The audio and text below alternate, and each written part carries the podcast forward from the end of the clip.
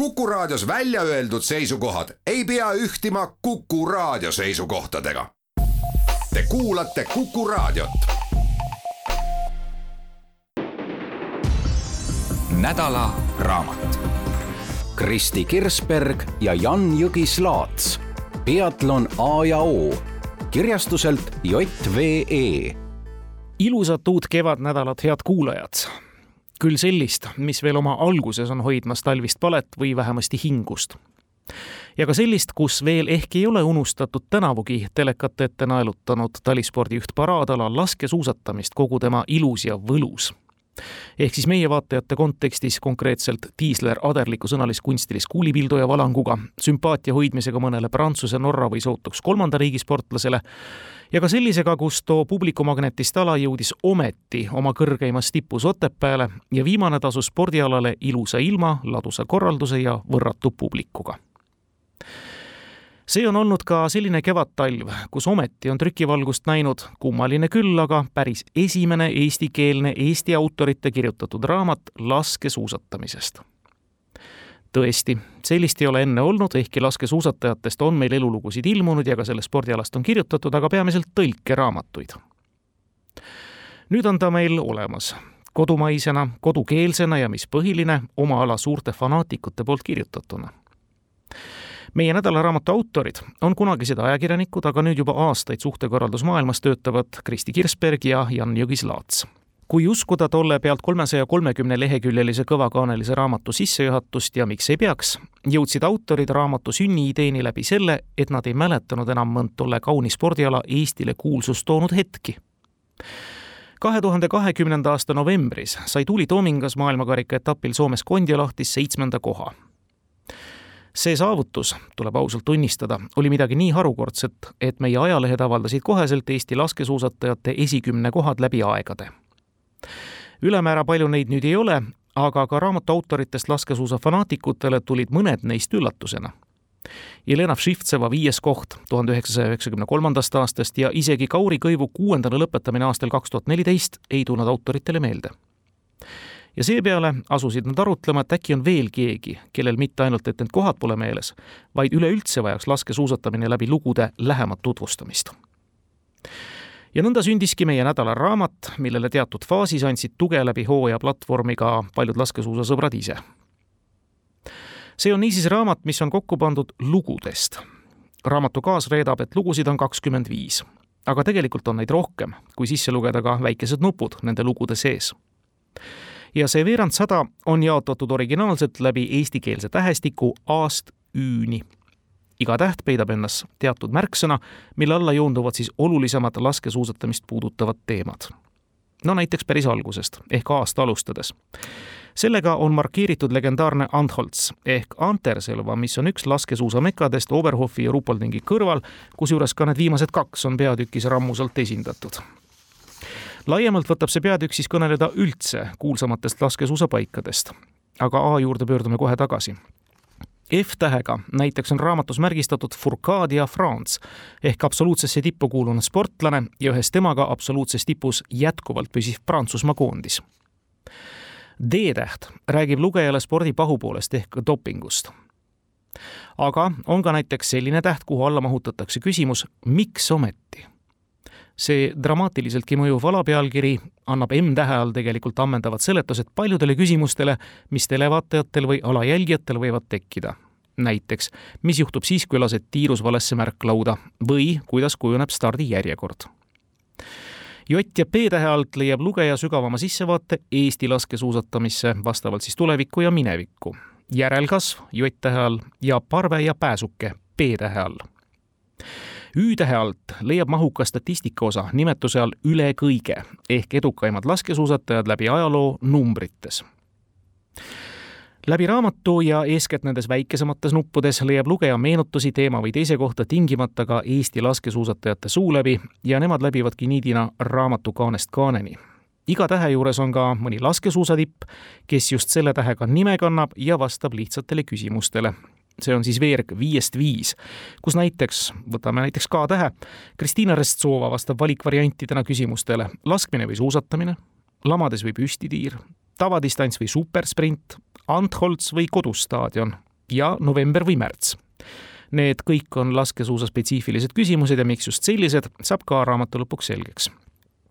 aga me lubasime tulla nüüd päris alguse ehk siis A-tähe juurde ja sellega löövad autorid kohe ka lahti põhjuse, miks ometi ja millest tulenevalt tuhanded, no mis me räägime, mitmed kümned tuhanded laskesuusatamist nii paljud armastavad ja on seda tegema hakanud just viimasel paaril aastakümnel, et on nõus laskesuusatamise mekasse minema isegi siis, kui ta kaardilt vaadates asub pärapõrgus. ja uskuge, enamik tugevaid Kesk-Euroopa laskesuusakeskusi just seal asubki meie Otepää näiteks oma pooletunnise autosõidu kaugusega Tartust on vaata et südalinn Kesk-Euroopaga võrreldes. mis nüüd puutub peatükile tähe andnud Anterselvasse või Antholtsi, siis selgitame asja mittetundvale lugejale, et tegemist on ikka ühe ja sama kohaga. lihtsalt see küla paikneb Lõuna-Tiroolides ja ulatub geograafiliselt Itaalia piiridesse aga üheksakümmend kaheksa protsenti seal elavatest inimestest räägib emakeelena saksa keelt väga palju elanikke seal muidugi ei ole, alalisi asukaid on umbes kolme tuhande kandis. Aga ühe nädala jooksul iga jumala aasta, kui just ei ole tegemist Covid pandeemiaga või muude piirangutega, koguneb sinna külla nii umbes kakskümmend tuhat inimest, et osa saada millestki pöörasest, tipplaskesuusatamisest, mida nimetatud paigas naudivad ka laskesuusatajad ise väga. Tolles samas peatükis saavad sõna sportlased, kes nimetavad teistest enam just seda Itaalia-Saksa piiriküla oma lemmikutena. atmosfääri mõttes on anterselvad täiesti omaette teema. kui teha hääletus, siis kindlasti seitsmekümne viiele protsendile sportlastele on see lemmikkoht. mäekuru ja järv, ilm on alati päikeseline, päris lumi, öösel külmetab, päeval on soe, räägib näiteks meie oma Eveli Saue. aga nagu öeldud, lisaks Anholtsile on ka Oberhof ja Rupolding. Nendest Oberhof on siis Kesk-Saksamaal, Tüüringi liidumaal ja Rupolding paikneb lõunas Baierimaal Neid kolme tuuakse kõige enam esile ja nende kõigi külastamist muide nimetatakse omaette ORA karikaks laskesuusatamise tõusmine suureks telealaks saigi väidetavalt alguse just sellest viimasest paigast ehk Rupoldingist. ja põhjus oli väga lihtne, nagu kirjutavad autorid, tsiteerin. pärast oma sportlaskarjääri lõpetamist tuhande üheksasaja üheksakümne esimesel aastal hakkas korraldusliku poole eest Rupoldingis hea seisma endine laskesuusataja Herbert Fritzenwenger kui ma ise sõitsin, oli publikut heal juhul vaid staadionil ja vahepeal hüüdis rajal keegi kõlaritest seisu, meenutab ta. aga paljukest neid vihikute ja pastakatega tüüpe, kes kõik üles märkisid ikka, külmal jaanuarikuul oli tollal oli Saksamaal publiku mõttes ja ka teles väga populaarne sportautode ringrajasõidu DTM sari, kus pealtvaatajatele olid finišisirge kõrval ka raja ääres seisvad suured videoekraanid, mis võistluste kulgu reaalajas kuvasid ütlesin omadele, et peame tegema nii nagu DTM ja nad nõustusid. tegime vipp-telgi, püstitasime videoekraanid ja varem kahjumit tootnud MK-etapp kolmekordistas oma sissetulekuid, meenutab Fritzenwenger suvel kaks tuhat kakskümmend üks. no ja siis tulid meile kohe kõned Antholzist ja Oberhofist, kas me võiksime midagi koos teha? muidugi, vastasin mina ja nii lihtne see ongi. tsitaadi lõpp ammugi pole nad nüüd enam kolmekesi, vaid kusagil lähedal on oma atmosfääriga ka Annecy Prantsusmaal, Nove Mesto Tšehhimaal ja kaugele ei jää ka Kondiolahti, Östersund ja loodetavasti ka Otepää, kes tänavu maailmakarikasarja etapi korraldajana debüteeris kakskümmend üks aastat pärast esmase mõtte tekkimist. ja jõudis ära oodata too maailmakarika etapiks saamise lugu on sealsamas A-tähega laskesuusatamise keskustest rääkivas peatükis ka ühes teadmisega, et järgmist etappi tuleb vist koju oodata neli aastat. aga mine tea. Venemaale ja ka Valgevenele kestvate sanktsioonide valguses, näiteks palju kiidetud Tjumeni keskuses jäi tänavuse maailmakarikasarja finaal toimumata, võib minna ka kiiremini olgu nüüd siis lõpumaitseks ka öeldud, et ka maailmameistrivõistluste Marseli kepik on meie MK-etapi korraldajatel paunas aga mitte ainult võistluspaikadest, vaid ka ühest elavast maskotist võtab meie rõõmsameelne ja hingega tehtud raamat oma alapeatükis jutelda. head kuulajad, vaadates nüüd selle kevadnädala ilma, tuleb tõdeda, et laskesuusatamisest kõnelev raamat on jätkuvalt igati asja ja ajakohane meie riiulist lahti võtta ja seda tulevastele lugejatele tutvustada. ehkki kahtlustan, on rohkem neid, kes sedasorti kevadest midagi kuulda või näha ei taha, kui neid, kes rõõmuga Harku või Haanja susaradadel ka aprillis lumest viimast võtavad.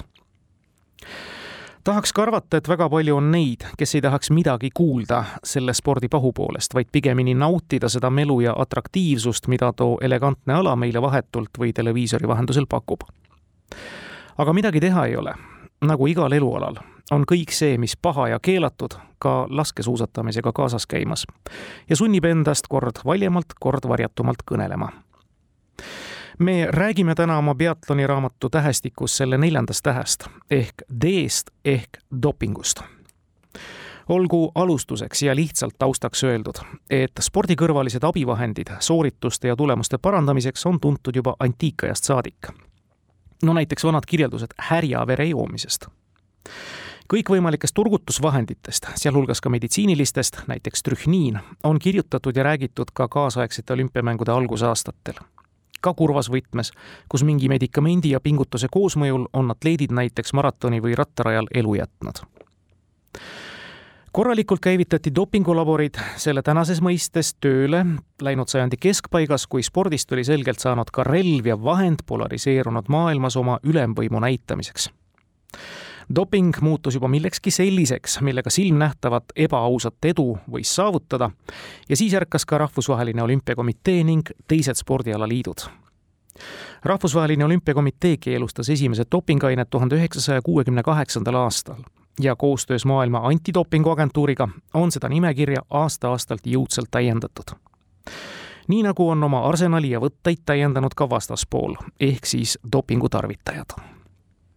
nüüd meie nädala raamatu juurde tulles ja seda D-tähe juurest avades, saab lugeja sissejuhatuseks teada, et ka laskesuusatamises ulatuvad kurja juured aastasse tuhat üheksasada kuuskümmend kaheksa. aga esimese tõeliselt kõlava pommi lõhkamiseks tuli oodata aastani tuhat üheksasada üheksakümmend üks just siis Ruhpoldingis toimunud maailmakarikasarja pressikonverentsil avas Ida-Saksamaalt sirgunud laskesuusataja Jens Steinigen suu ja rääkis midagi sellist, mida enamik ei tahtnud veel kuulda. tsiteerin sügisel tuhat üheksasada kaheksakümmend viis oli kogu Saksa DV koondis laagris Kirunas.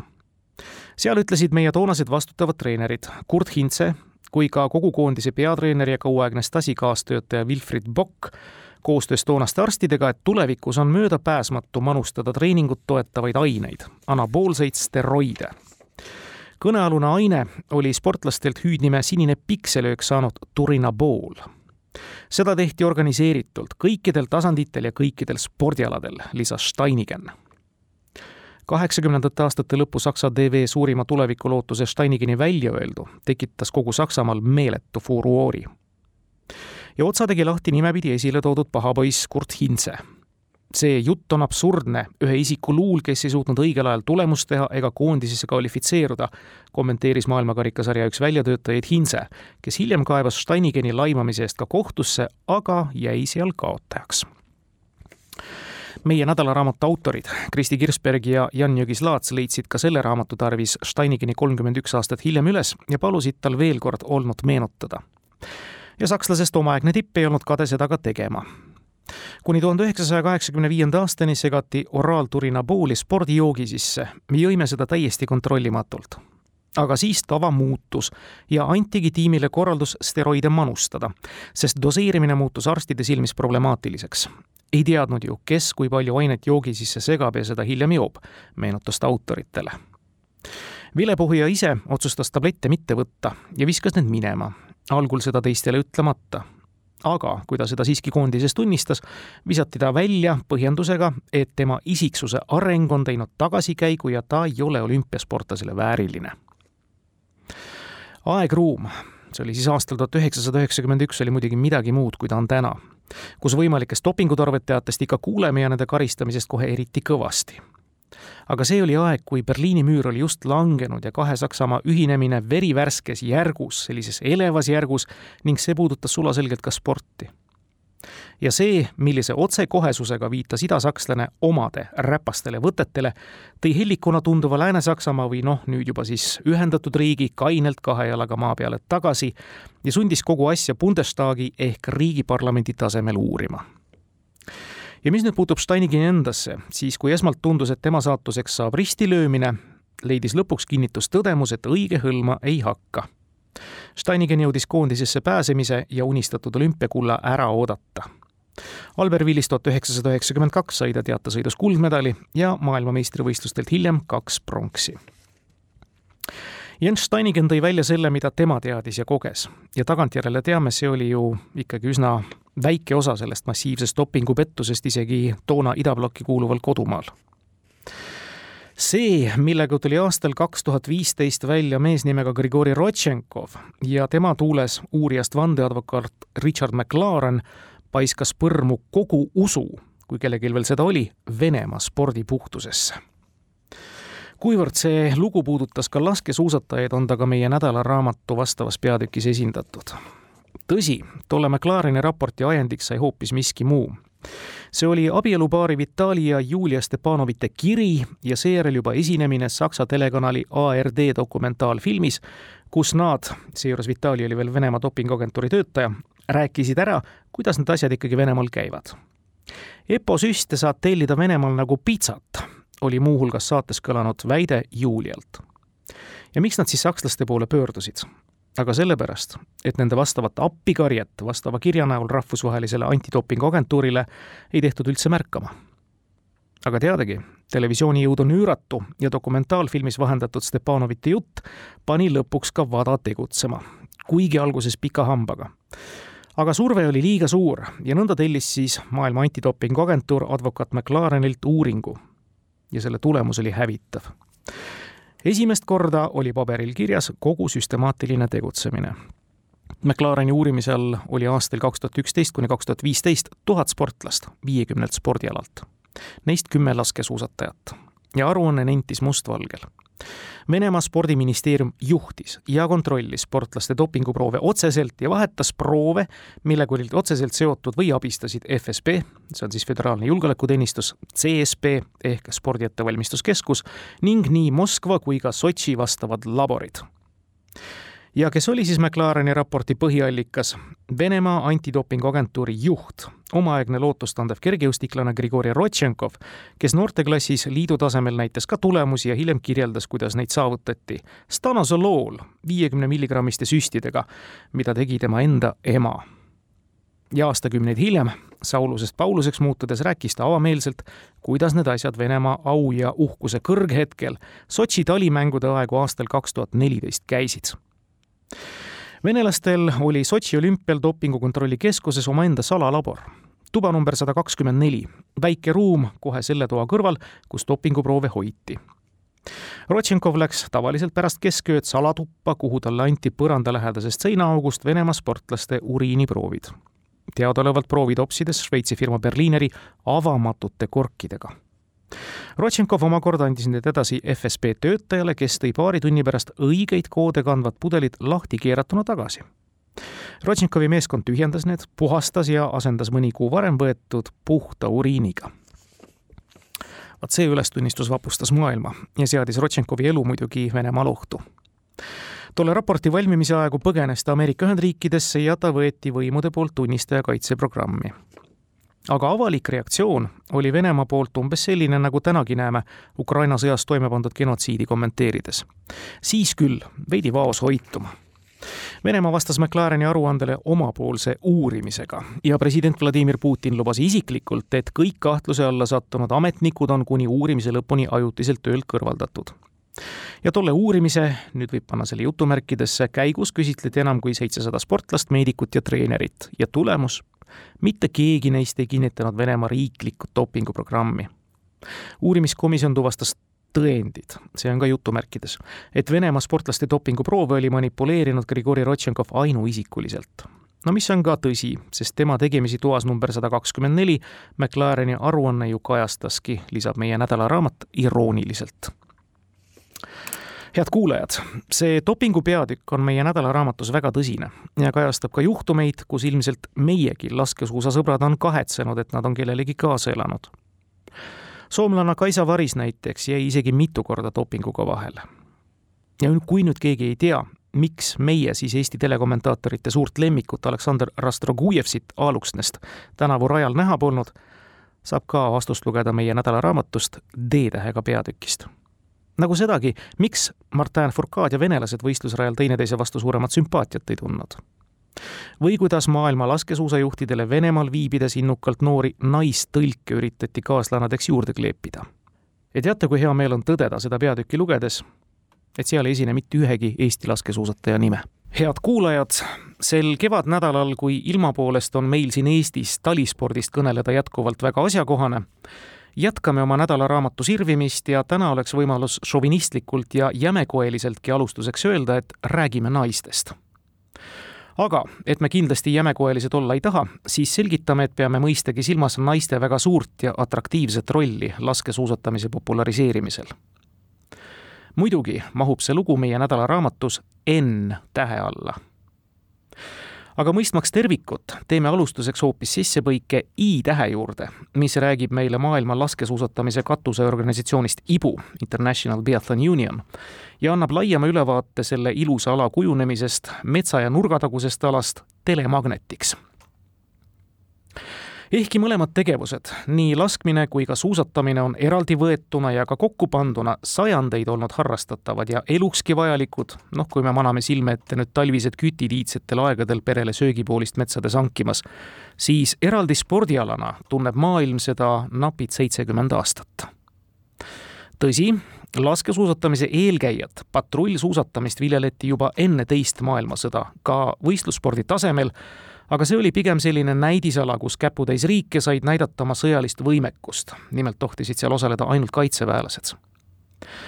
iseseisvana hakkas laskesuusatamine tiibu sirutama ja arenema tänu skandinaavlastele ja üllatus küll, moodsa viievõistluse kaitsva katuse all just moodsa viievõistluse alaliitu juhtinud rootslased nägid uues talispordialas potentsiaali ja pingutasid selle nimel meeletult aastal tuhat üheksasada viiskümmend kaheksa korraldati ala esimesed maailmameistrivõistlused Austrias Saalfeldenis.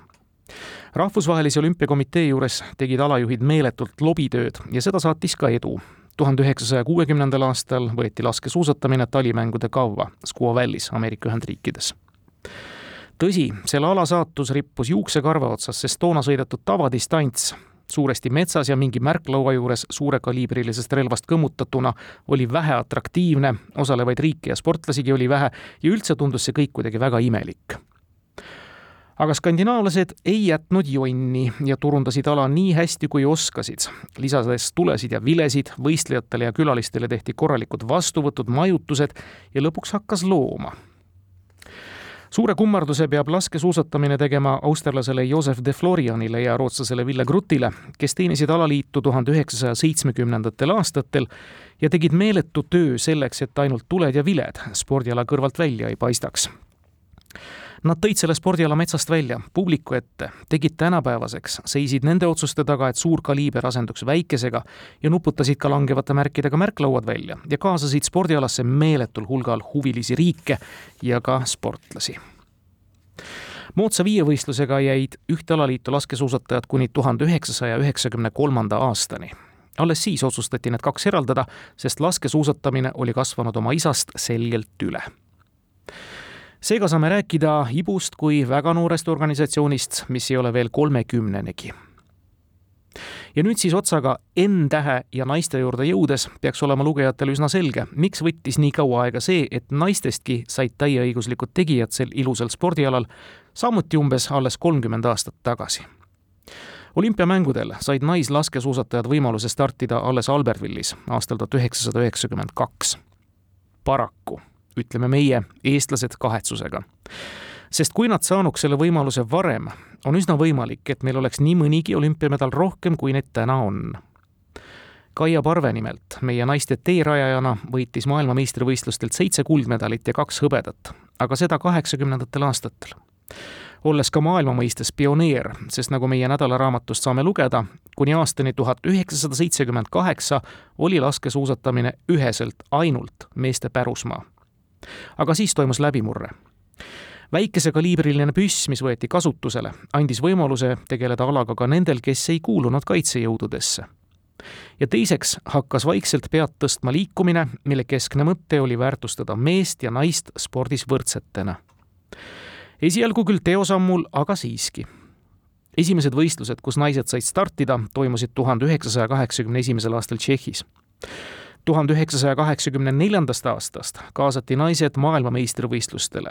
maailmakarikasari avati neile hooajal kaheksakümmend kuus, kaheksakümmend seitse ja olümpiale jõuti lõpuks, nagu öeldud, aastal tuhat üheksasada üheksakümmend kaks ja seal Albervillis, kus stardis oli ka kolm Eesti naist laskesuusatajat, tippspordi lõpetanud Kaia Parve küll enam mitte nende seas, jäid õrnema soo laskesuusatajad ka kohe silma. Meie nädalaraamatus tuuakse ala populariseerijatena alastuseks välja kaks Magdalenat, rootslanna Forsberg ja sakslanna Neuner Nendest esimene osales Albervillis küll murdmaasuusatajana, aga ta nägi püssidega naisi sõitmas ja oli lummatud. nüüd tsiteerin raamatut rootslanna ei olnud küll kunagi lasknud, kuid ambitsioonikale sportlasele ei olnud see takistus, vaid väljakutse. ta arutles, et kui teha kümme tuhat lasku, võiks juba pihta saada küll. Ja see mõte kinnistus tal kaks aastat hiljem, kui Magda oli vigastatud ega pääsenud suusatajana Lillehammeri olümpiale. laskesuusatamises tuli edu kiiresti. juba aastal tuhat üheksasada üheksakümmend viis võitis ta Rupoldingi sprindi aastatel tuhat üheksasada üheksakümmend seitse kuni kaks tuhat kaks ei suutnud keegi alles kahekümne kuue aastasena ala juurde jõudnud Forsbergile vastu saada ja ta võitis maailmakarikasarja kuus korda järjest. Karjääri lõppedes jäi tema saldoks tänini naiste seas ületamatud nelikümmend kolm maailmakarika etapivõitu. tsitaadi lõpp Forsbergi fantastilisem periood jäi vahemikku kuueteistkümnes detsember kaks tuhat kuni kaheksateistkümnes jaanuar kaks tuhat üks, kui ta võitis järjest kaheksa maailmakarika etappi ja hooaja lõpus, kui punkte kokku löödi, oli ta võitnud maailmakarikasarja üldkokkuvõttes ja oli parim ka tavadistantsil, sprindis, jälitussõidus ja ühistardis ehk siis kõikidel individuaaldistantsidel. Absoluutses tipus aastal kaks tuhat kaks ka Magda lõpetas. neli aastat hiljem ilmus püünele teine Magdalena, tema hüüdnimeks oli Leena sakslane Neuneri raju karjäär vältas vaid seitse aastat. vaid kahekümne viiesena otsustas ta püssi ja suusad varna visata, olles selleks ajaks võitnud kolmkümmend neli maailmakarika etappi ja see tulemus püsib Forsbergi järel siiani teisel kohal. aga ka seitseteist MM-medalit, milledest koguni tosin olid kuldsed, lisaks kaks olümpiakulda ja muid saavutusi pealekauba muide, Neuneri juures on kirjas, et esimestel tiitlivõistlustel üheksateistkümne aastasena võitis ta kaks kuldmedalit, hoolimata sellest, et sprindis kaks märki mööda lasi ja jälitussõidus suisa neli. see oli kahe tuhande kuuendalgi aastal võrdlemisi erakordne saavutus, ehkki varasematest ehk laskesuusatamise algusaegadest on teada ka juhtumeid, kui üheteistkümne trahviga jõudis kiire suusataja esikuuikusse ja kuue-seitsme trahviga teinekord ka poodiumile. tänasel päeval me kindlasti sellest enam kõneleda ei saa aga et see kena peatükk nüüd ka täies ilus ja samas mitte päris kõiges ausalt ära kõneleda, siis lisame maitseõrritajaks juurde ka teadmise, et kaks pikka intervjuud mahub sinna peatükki ka esmalt laskesuusatajaga, kes ilmselt Antholtsi ehk Anterselva kõrval on enim Itaalia laskesuusatamise edusse ja menusse panustanud.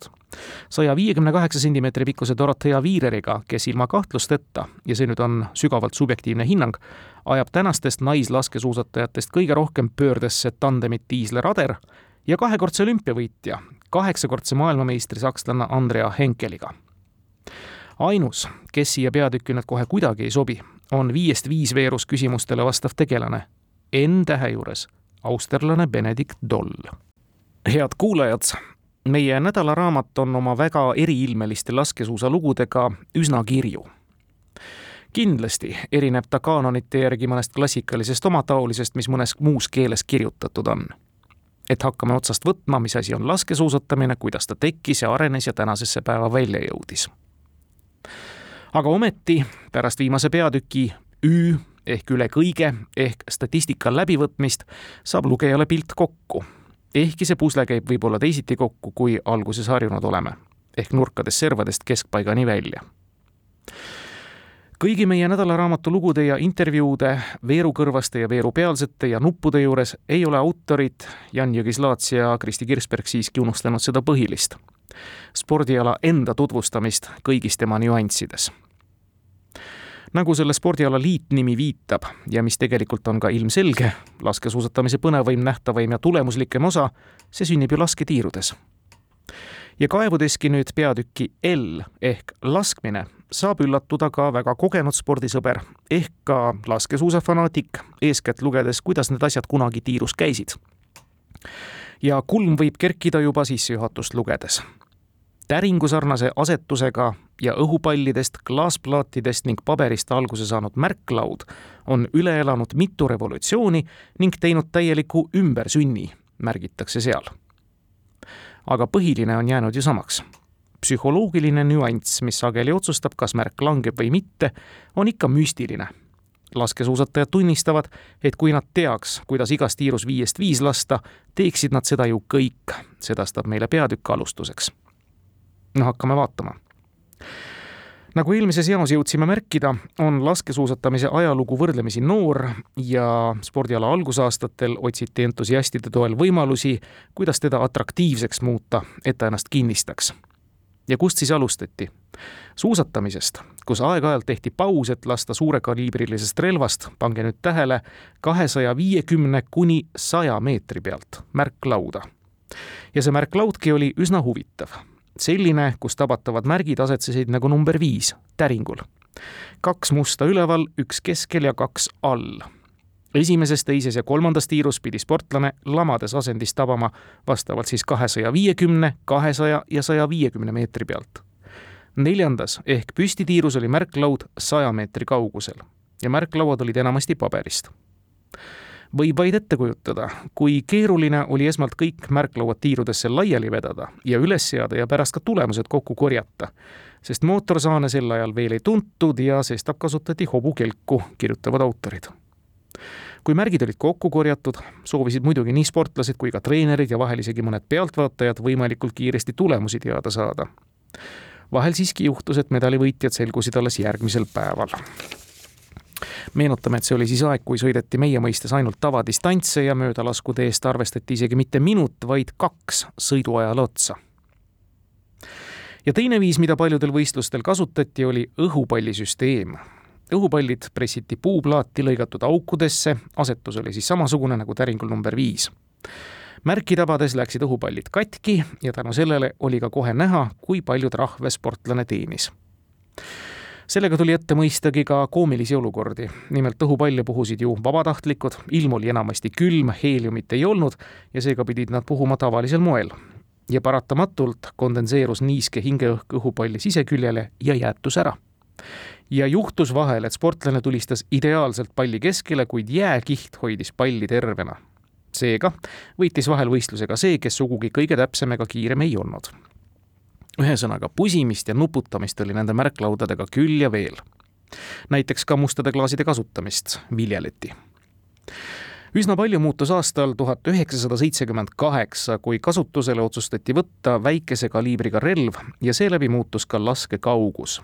märklauad toodi viiekümne meetri peale ja need muutusid tiirudes ka publikule nähtavaks samal ajal tutvustati maailmale ka korduvkasutatavat metallmärkide süsteemi kui sportlane tabas, kukkus märk alla ja kõik need märgid sätiti ka ühte ritta. sisuliselt võeti kasutusele süsteem, mida ka praegu tunneme ja näeme. Soome endine laskesuusataja Ilmo Kurvinen hakkas nuputama lahendust, kuidas ühe mulgu sees võiks olla kaks eri suurusega märki. tuhande üheksasaja seitsmekümne üheksandal aastal asutatud Kurvineni ettevõte on muide siiani üks suuremaid märklaudade tootjaid maailmas. ja teiste seas kasutab tema laskemärkide juhtimise süsteemi ka Tehvandi lasketiir Otepääl soomlase loodud mehaaniline märklauasüsteem sai elektroonilise lahenduse üheksakümnendate aastate alguses, kui tabamuse järel jõudis info automaatselt juba arvutisse ja ühtlasi ka tulemuste reale. Ja ehkki see mõte ja eesmärk on jäänud ju sportlastel läbi aegade laskmisel samaks, saada märgile pihta, eks ole, on lisaks varustusele muutunud meeletult ka see viis, kuidas sportlased oma sihini jõuavad autorid toovad välja, et tehnika ja materiaalse varustuse kõrval on mitu sammugi edasi astutud ka tiirus tegutsemise kiiruses. üks pioneere selles vallas oli prantslane Rafael Poiré, kes alustas laskmist kümne sekundi pealt ja tulistas ülejäänud padrunid välja pooleteistsekundilise intervalliga väga kiire laskjana on selles maailmas tuntud ka Simon Eder. vasakukäeline austerlane teeb samuti tiirus sageli kahekümne sekundiga kõik oma töö ära ja tabab seejuures üsna hästi naistest on kiirtulistajatena hästi tuntud austerlanna Liisa Theresa Heuser ja itaallanna Dorothea Viirer, kes mõlemad kulutavad lamades tiirus keskmiselt kakskümmend seitse sekundit ja püstitiirus kakskümmend kolm. nõnda on nad ka siis kõigist teistest vähemalt neli-viis sekundit kiiremad. ja see vahe on tänapäeva karmis ja tihedas tipus teinekord väga määrav, kui näiteks korrutate selle sekundite arvu neljaga see peatükk, head kuulajad, on täis erinevaid lühiarvamusi ja tõdemusi, ka nippe selle kohta, kuidas laskmine õigupoolest tiirus keset suurt võistlusmelu ja möllu kiire hingamise ja pulsiga käib. ja arvajateks on mõistagi sportlased ise. meie Johanna Talihärm ütleb näiteks, et laskmine on hästi psühholoogiline. sageli võib juhtuda, et kui isiklikus elus on asjad tuksis, paistab see laskmisest kohe välja. aga kui sportlane on leidnud hiljuti uue armastuse, kaasneb sellega väga täpne periood vahel võib madalseis psühholoogiliselt kesta ka kaua ja siis ongi tiirus raske. aga väga palju aitab siin kaasa enesekindlus, mis on saavutatav ainult heade treeningutega. Regina Oja jällegi räägib viimase lasu fenomenist, mis olla küll olemas, aga ta on tekitatud. Tegelikult ei ole ju mingit vahet, kas sa lased mööda kolmanda või viienda lasu, ikka tuleb üks trahviring sõita. Probleem ei ole viies märk kui selline, vaid tähelepanu hajumine, sest sageli mõtleme juba relva tagasi selgapanekule või siis rajale tormamisele, räägib Oja.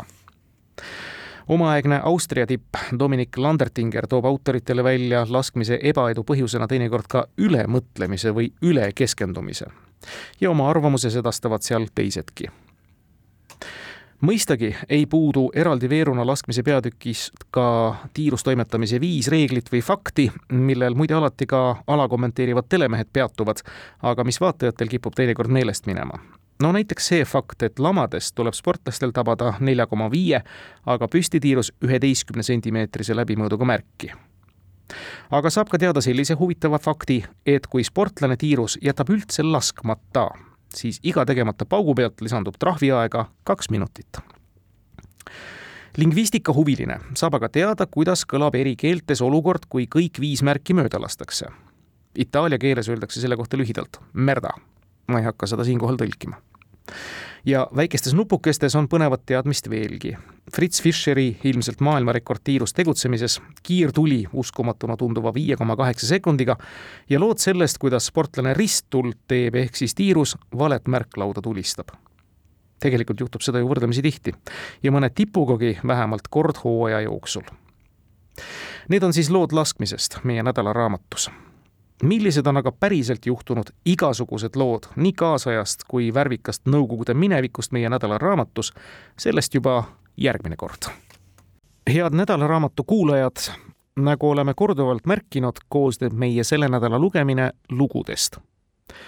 raamatu kaanele on neid ära märgitud kakskümmend viis, aga tegelikult on lugusid märksa rohkem iga peatüki all on mõni meenutus või teine, sekka ka intervjuud, kust kooruvad ka mingid omaette lood välja. Eraldi nüüd kaks peatükki, mis meenutame, on siis tähestikulises järjekorras kandmas mõnd tähte pealkirjana, on pühendatud just lugudele, eraldiseisvatena. O-tähe alt leiame omade meenutused ja siin kõnelevad tänased ja eilsed Eesti laskesuusakoondislased lugusid, mis moel või teisel on kurioossed ja tagantjärele enamasti naljakad meenutada tänasele nooremale lugejale on selle peatüki väärtuseks seegi, et ta tuletab meelde või suisa tutvustab meie omaaegseid koondislasi, selliseid kui Jelena Všivtseva, endise nimega Poljakova ja Krista Lepik. Nendest esimene võitis tuhande üheksasaja üheksakümne kolmandal aastal maailmakarika etapil tavadistantsil viienda koha ja teine sõitis Albervilli olümpiamängudel välja ka tavadistantsil üheteistkümnenda koha kumbagi saavutust ei ole Eesti naislaskesuusatajad hiljem individuaalselt üle sõitnud. Vživtseva, toonase nimega Poljakova, jõudis ka muide juunioride maailmameistrivõistlustel poodiumil ära käia, ehkki ta esikolmikus ei lõpetanud. ja see lugu nägi välja nii, et nüüd tsiteerin asjaosalist ennast. kummaline võistlus oli tuhande üheksasaja üheksakümne teisel aastal Canmore'is toimunud juunioride mm ma lõpetasin neljandana, kuid tiirus tekkis tõrge. seepärast võeti tõrke lahendamisele kuulunud aeg pärast finišit maha ja kuulutati, et ma olen hõbemedalil. Kutsuti pjedestaalile, sellest mul on isegi pilt olemas. ja siis mõni aeg hiljem hõisati välja uus poodium, kus mind enam ei olnud. jäin ikkagi neljandaks kohalikud eestlased olid meile kogu võistluste aja toeks, ka minu sõidu ajal elasid nad kaasa. eks see kummaline lugu oli, aga ega ma nutma hakanud, võtsin nii, et juhtus, siis juhtus pigem oli piinlik teise koha eest õnnitlusi saada, sest ega lõpuni ju ei teadnud, kuidas läheb ja läkski teistpidi, meenutab tänane treener raamatus. Krista Lepik tuli laskesuusatamisse, nagu paljud teisedki, tegelikult murdmaasuusatamisest, kus ta kuulus ka Nõukogude Liidu koondisesse. aga pärast Achilleuse kõõluse operatsiooni ei suutnud ta enam korralikult klassikalises stiilis sõita ja sundvalikuna mõnes mõttes tuli võtta siis laskesuusatamine Lepik meenutab, et toonasel perioodil, kui see veel eriti reljeefselt välja joonistus, oli ta igati süsteemiväline ja selleks ka jäi, sest kuulus spordiühingusse Jõud.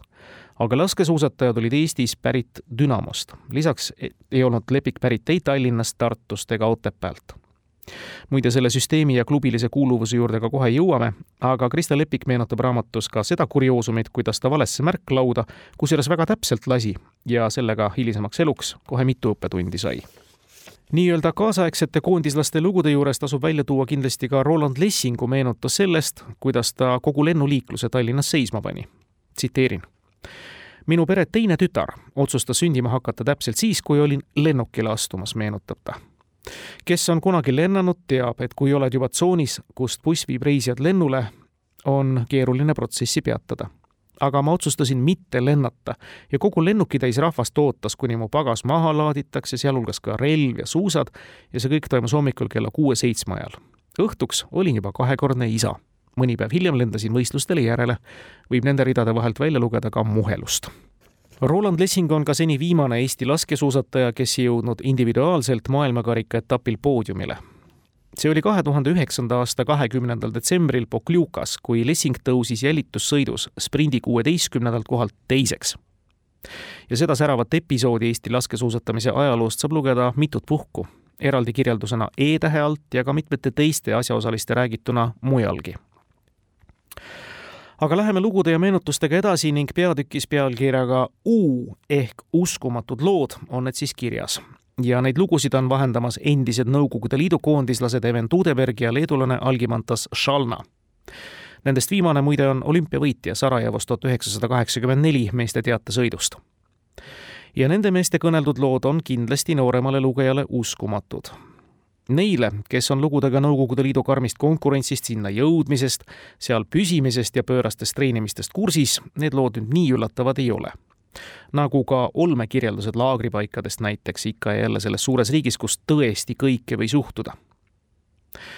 Even Tudeberg kuulus Nõukogude Liidu koondisesse ja maailma paremikku peamiselt juunioride ja noorteklassis tema karjääri säravamateks saavutusteks jäid pronksmedal tuhande üheksasaja kaheksakümne kolmanda aasta juunioride MM-il viieteistkümne kilomeetri sõidus ja samas saadud hõbe teatesõidus. NSV Liidu meistrivõistluste tasemel kogunes Dünamo klubi liikmele veel teisigi medaleid. seda Dünamot kohe rõhutasin, sest klubiline või toonases mõistes ühinguline kuulumine mängis NSV Liidu tippspordis väga suurt rolli asjaosaline meenutab toda sama, muidu edukat juunioride MM-i, muide Anterselvas aastal tuhat üheksasada kaheksakümmend kolm. tundsin omal nahal, mida tähendas armee spordiklubi ja Dünamo vihavaen. olin teatesõidus viimases vahetuses, läksin rajale liidrina. kui laskma hakkasin, lasin kahe märgi vahele. üldiselt olin ülihea laskja, sain kohe aru, et püss on pealt ära keeratud panin silmad kinni ja hakkasin mõttes sihikut paika keerama. no kujutage ette, viisteist sentimeetrit, kui muidu sättisin millimeetreid. aega võttis tohutult, kuid sain kaks pihta, lasin ühe mööda, veel kaks pihta, sõitsin trahviringi ja saime hõbemedali sakslaste järel individuaalalal lasin viieteistkümnes kilomeetris väga ilusti, aga suusad ei libisenud üldse armee peatreener Pšenitsõn oli pannud mulle topeltmääret, ma sõitsin ennast pimedaks. pärast finišit ei näinud tükk aega, aga vorm oli nii hea, et sain pronksi kätte. tsitaadi lõpp. loo taust oli siis see, et laskesuusatamine oli ikkagi kui armee taustaga ala NSV Liidu koondises armee keskspordiklubi ehk AKSK kureerida.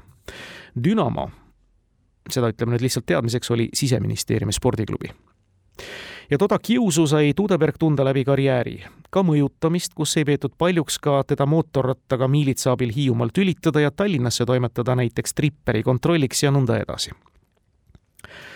Algimata Šalnal on meenutada autoritele täna kohe tõesti uskumatuna tunduv lugu ka päris kogenud lugejale tuhande üheksasaja kaheksakümne viiendal aastal juhtus lugu, millest ma ei saa aru ja millele ma pole tänaseni vastust saanud jaanuari alguses toimus Minskis maailmakarika etapp, kus ma sain sprindis teise koha.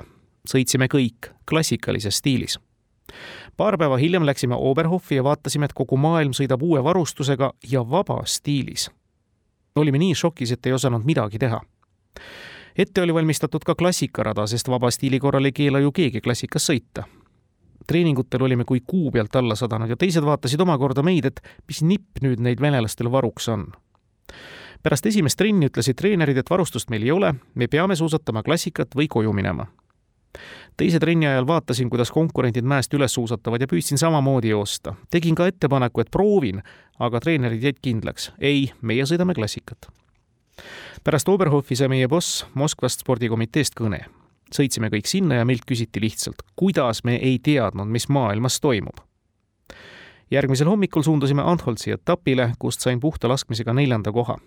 Varem oleksin nulliga iga kell võitnud. aga kõigele vaatamata ei saanud teatesõidus ikka keegi meile vastu. MM-ini jäänud kahe nädala jooksul lihtsalt õppisime uut stiili, peab ta seda tänini naeruväärseks Even Tudebergi karjäär lõppeski muide nende mõjutuste ja kõige koosmõjul üsna varakult Shalna küll mõlgutas loobumismõtteid üsna tihti, aga leidis siiski jõudu jätkata ja on elu tänini laskesuusatamisega sidunud, olles Ameerika Ühendriikides edukaks treeneriks. Vaat sellised lood sealpool mineviku sood. head kuulajad, on meie nädalaraamatust vahendada ja teile, head tulevased lugejad, lugeda nagu ikka ja nagu ka sihiks seadnud, ei jõudnud me selle nädala jooksul väga paljut meie nädalaraamatust välja tuua. seda enam soovitame teil seda teha seda enam, et too raamat on unikaalne, nagu päris nädala alguses märkisime, eestikeelsena ja Eesti autoritelt ei ole varem raamatut laskesuusatamisest kirjutatud. Nädala raamat. Kristi Kirsberg ja Jan Jõgi-Slaats. peatlon A ja O kirjastuselt JVE